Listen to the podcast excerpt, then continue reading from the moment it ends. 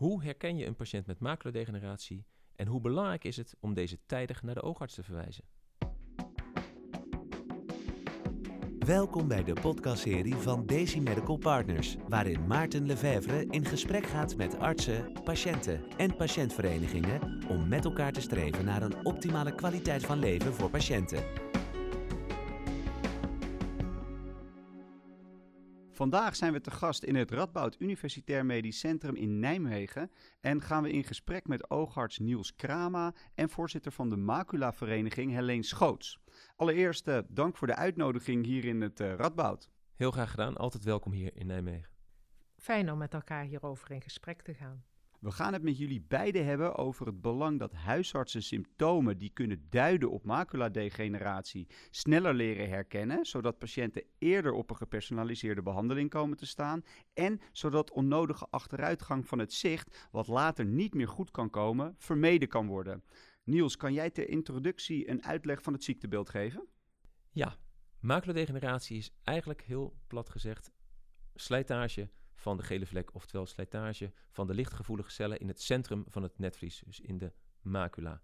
En dan hebben we een droge vorm en een natte vorm daarvan. En je geeft aan slijtage. Ehm, komt het dan ook uh, bijna alleen maar bij oudere mensen voor? Of kan macula-degeneratie ook bij jongere personen voorkomen? Kan zeker ook bij jonge uh, personen voorkomen. Je moet eigenlijk zo zeggen dat er is een stukje uh, genetica, dus een stukje aanleg. Hè. Zit het in de familie? Uh, zo ja, heeft je familie het op jongere leeftijd gekregen of juist niet? Dat is een belangrijke factor. Maar daarnaast krijgt eigenlijk, dat kan je wel zeggen, iedereen maculadegeneratie als je maar oud genoeg wordt. Ja, en Helene, um, wat zijn de meest voorkomende symptomen van maculadegeneratie? Want misschien goed om ook even te zeggen, jij hebt zelf maculadegeneratie. Ja, aan één oog de natte vorm en de andere oog de droge vorm. Dat is een beetje vroeg om dat nu natuurlijk te vertellen.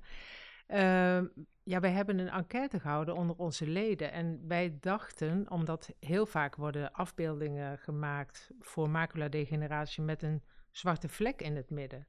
Maar het blijkt, als we vragen naar de eerste symptomen, dan is slechter zien en het zien van vervormingen eigenlijk het meest voorkomend. En um, um, ik heb ook in de wandelgangen vernomen dat bijvoorbeeld uh, depressie en vermoeidheid onderdeel kan zijn van maculadegeneratie. Kan, kan je daar iets over vertellen?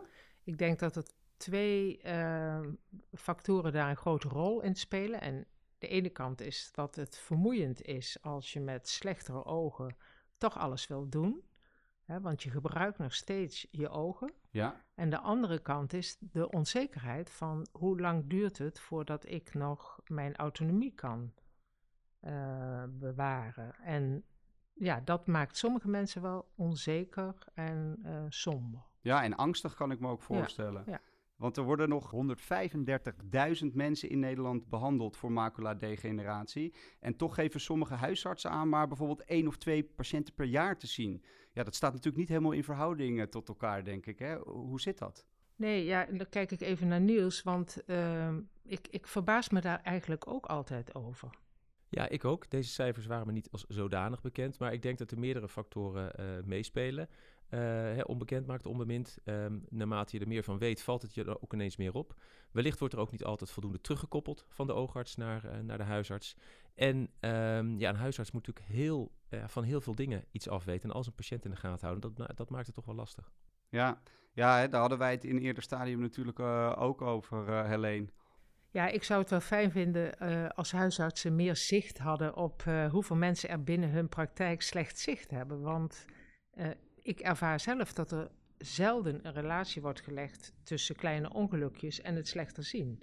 Terwijl je toch aan mag nemen dat veel van die kleine ongelukjes mogelijk wel veroorzaakt worden daardoor. Ja, en een oorzaak hebben. Ja. Ja. Dus de slogan meer zicht op minder zicht. Dat, ja. zou een, uh... dat is een goeie. Niels, die houden we erin. en Niels, uh, de symptomen van maculadegeneratie kunnen soms ook aan andere oogziektes zoals uh, glaucoom of staar worden gelinkt. Ja, hoe kan een huisarts volgens jou toch onderscheid tussen die verschillende oogziektes maken? Uh, nou, er is wel degelijk heel duidelijk onderscheid tussen die verschillende oogziektes, of die, de symptomen die bij de verschillende oogziektes horen. Ja. Alleen wat natuurlijk, uh, waar de patiënt mee komt, dokter, ik zie niet goed. En vanaf dat moment, uh, ook als je geen um, materialen tot je beschikking hebt om dat te onderzoeken, dan zal je met het juist doorvragen moeten komen tot de, de beste waarschijnlijkheidsdiagnose. Dat betekent, ja, dat is eigenlijk voor heel veel aandoeningen, dat zeker voor de huisarts is de anamnese uh, het belangrijkste instrument. Ja, en Helene, um, daar is uh, een symptomenkaart voor ontwikkeld, hè? Ja, een ene heer Amsler, een, een arts, hè, die heeft deze Amslerkaart uh, in de vorige eeuw ontwikkeld. En dat is natuurlijk een heel erg handig middel om te kijken van of er sprake is waar, van vervormingen.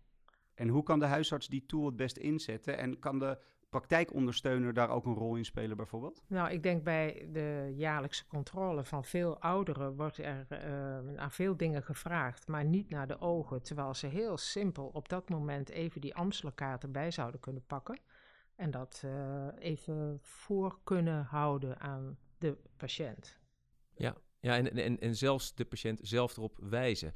Want ik geloof ook dat de huisarts heel veel dingen te doen heeft in het spreekuur. En om bij elke eh, oudere patiënt dat, dat voor te leggen, zou ik het zelf het mooist vinden, maar wellicht duidt dat op praktische bezwaren. Maar alleen al door het informeren inderdaad van de patiënten, door het in de, in de wachtkamer of waar dan ook, of de praktijkondersteuners, als je terecht uh, meldt, om het daar onder voor het voetlicht te brengen, dat zou heel veel schelen.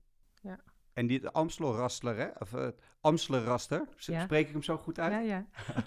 en um, als huisartsen nu luisteren, waar kunnen zij um, die symptomenkaart dan um, vandaan halen? Ze kunnen hem bestellen bij de maculavereniging. En nou, dan krijgen ze hem uh, thuisgestuurd. Als ik kijk naar hoe ik erachter gekomen ben dat ik maculadegeneratie had, dat was omdat ik bij een huisarts was die die kaart in zijn rekje had staan. En omdat ik moest wachten, dacht ik, kom, laat ik eens even kijken. Het zit in de familie, hoe het met mijn ogen is. Ja. Dus, uh, maar je ziet tegenwoordig geen standaarden meer in een huiskamer of in, bij een uh, huisarts in de wachtkamer. Nee, dus uh, jij bedoelt standaarden, bedoel je waar de folders vroeger in stonden, hè? Ja. En nu, nu kunnen ze hem dus online bij de vereniging opvragen. Ja. En we hoorden net al iets over een natte en een droge vorm van uh, maculadegeneratie. En Niels, en bij natte maculadegeneratie is zelfs als er bloedvaatjes springen niet te zien aan de buitenkant hè, dat het maculadegeneratie is. Uh, klopt dat? Uh, dat klopt zeker. Bij heel veel, of eigenlijk de meeste oogaandoeningen, is aan de buitenkant niet te zien wat er aan de hand is. En heb je aanvullend onderzoek nodig. bij de droge vorm is het, ik sloeg hem net eventjes plat, slijtage. Dus de fotoreceptoren die, die sterven langzaamaan af, om het even zo te zeggen. En bij natte maculodegeneratie is er eigenlijk een defect in de beschermingslaag tussen netvlies en vaatvlies. En in het vaatvlies zitten hele broze vaatjes, populair gezegd. En als die barrière tussen vaatvlies en netvlies te zwak is, dan kunnen die broze vaatjes onder het netvlies groeien. Eh, omdat ze broos zijn, kunnen ze gaan lekken. Dus krijg je eudeem in het netvlies, maar ze kunnen ook bloeden. En dan krijg je een bloeding onder het netvlies. En uh, heeft de patiënt daar veel last van? Ja, de droge maculodegeneratie vertoont vaak een heel langzaam progressief karakter, maar bij natte maculodegeneratie gaat het vaak sneller. Een bloeding is bam van het een op het andere moment vaak. Dus dat kunnen mensen ook vaak aangeven dat ze dat echt, nou misschien niet op het moment zelf, maar kunnen zeggen van goh, een paar dagen geleden merkte ik ineens dat het zicht slechter was.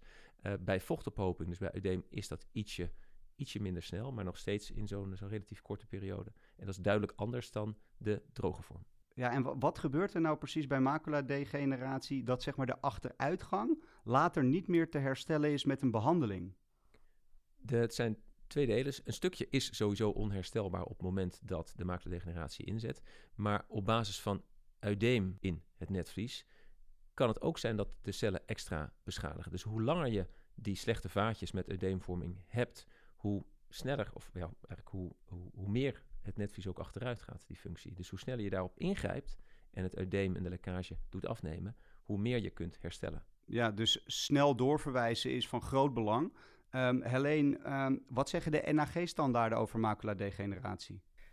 Uh, nou, volgens mij staat daar helemaal niet zoveel in over maculadegeneratie. Uh, en de NHG die heeft nu gezegd, wij wachten tot de, uh, de richtlijnen voor de NOG gepubliceerd zijn. En dan passen wij de richtlijnen van de NHG aan. Ja. Um, ik heb contact gehad met uh, thuisarts, want die zullen ook de tekst aanpassen. Want ook die tekst op de website, waar toch heel veel naar verwezen wordt, is gewoon niet meer uh, actueel. daar ontbreekt echt wel wat aan. Ja, eh, dat zijn hele mooie ingangen. Zeker thuisarts.nl, waar denk ik de, de, de verloopsnelheid van aanpassingen wat, uh, waar het wat sneller gaat dan bij de NRG-standaarden. Uh, denk ik dat dat een goede ingang is. Zeker omdat het heel veel geraadpleegd wordt. En niet alleen door de huisartsen, maar ook door patiënten. Ja, want Niels, welke handvaten hebben huisartsen volgens jou nodig om uh, ja, tijdig en kwalitatief door te kunnen verwijzen? De handvaten in de zin van, nou, nogmaals, de anamnese. Dus vragen, wat bedoelt iemand met slechter zien?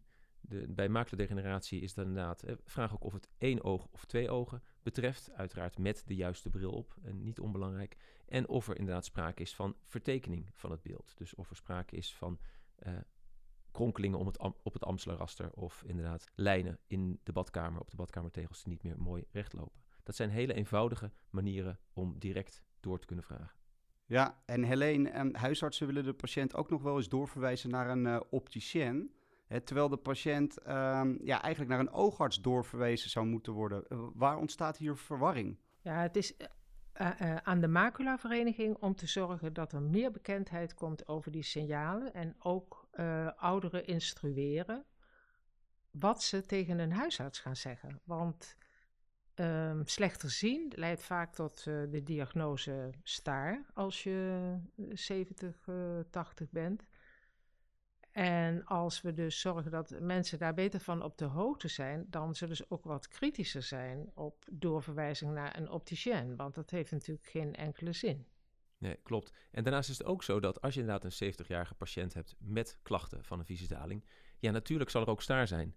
Maar de vraag is, is dat nou uh, de reden van, uh, van het feit dat de patiënt komt? En daarom wordt er soms wel eens per ongeluk, het is natuurlijk niet bedoeld, ontstaat er wat extra delay. Want er wordt inderdaad via de opticien bijvoorbeeld patiënt doorverwezen en komt uiteindelijk alsnog later pas bij een oogarts terecht. Ja, er worden symptomen dan een beetje door elkaar gehaald? Of lijken die symptomen gewoon ontzettend veel op elkaar? Nou, op zich lijken de symptomen niet zozeer op elkaar. Uh, bij, bij staar kan je expliciet doorvragen op het ontstaan van halo's. Dus als je s'avonds bijvoorbeeld in de auto zit of de koplampen van tegenliggers staan alle kanten op stralen. Dat zie je bij staar specifiek, maar weer niet bij uh, natte of droge maculodegeneratie.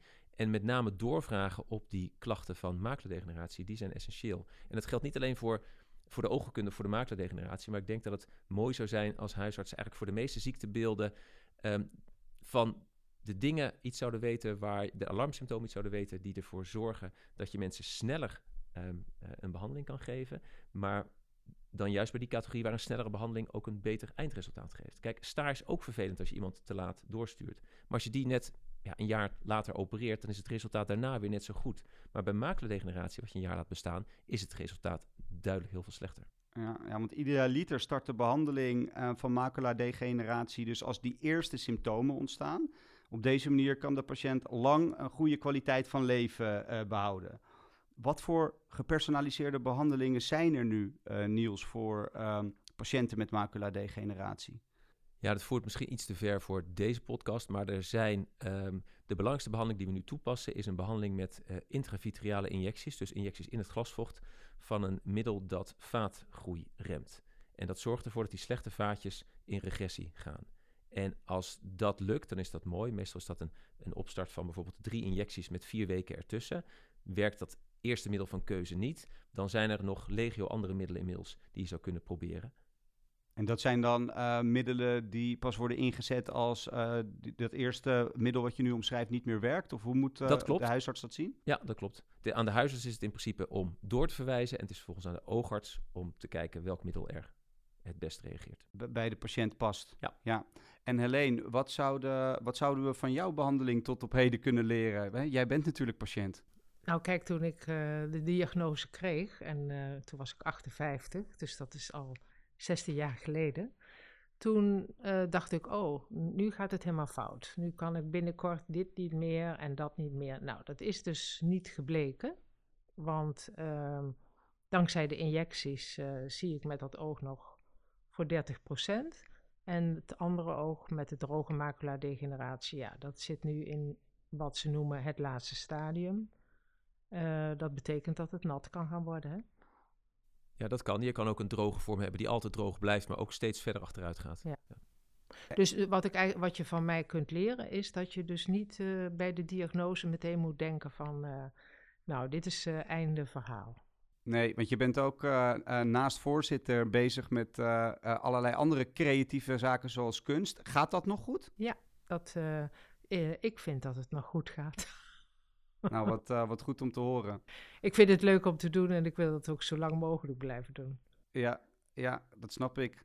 Um, we willen graag de, de huisartsen en de luisteraars van deze podcast een aantal praktische tips meegeven voor in hun dagelijkse praktijkvoering. Wat zou jij Nederlandse huisartsen willen meegeven, Niels, zodat zij optimaal kunnen bijdragen hè, dat patiënten na de eerste symptomen eigenlijk zo snel mogelijk op een behandeling uh, komen te staan die goed bij hem of haar past? Dat betekent goed herkennen van de symptomen. Dus slechter zien. Wat is slechter zien? Is het met één oog, met twee ogen? Heeft iemand last van het lezen? Ja, is er ook last van metamorfopsie, dus vertekening van het beeld? Dat kan een reden zijn om te denken aan maculardegeneratie en dus een reden om iemand te verwijzen naar een oogarts of een, of een, of een optometrist uh, die gelieerd is aan een oogarts. Ja, en misschien nog um, uh, goed om te benoemen wanneer nou specifiek naar de een en wanneer nou naar de ander? Ja, dat is lastig. Op dit moment is dat niet in elke regio nog hetzelfde. De druk op de uh, ogen, oogzorg is enorm groot. En we hebben heel veel uh, optometristen ook in het, in het land.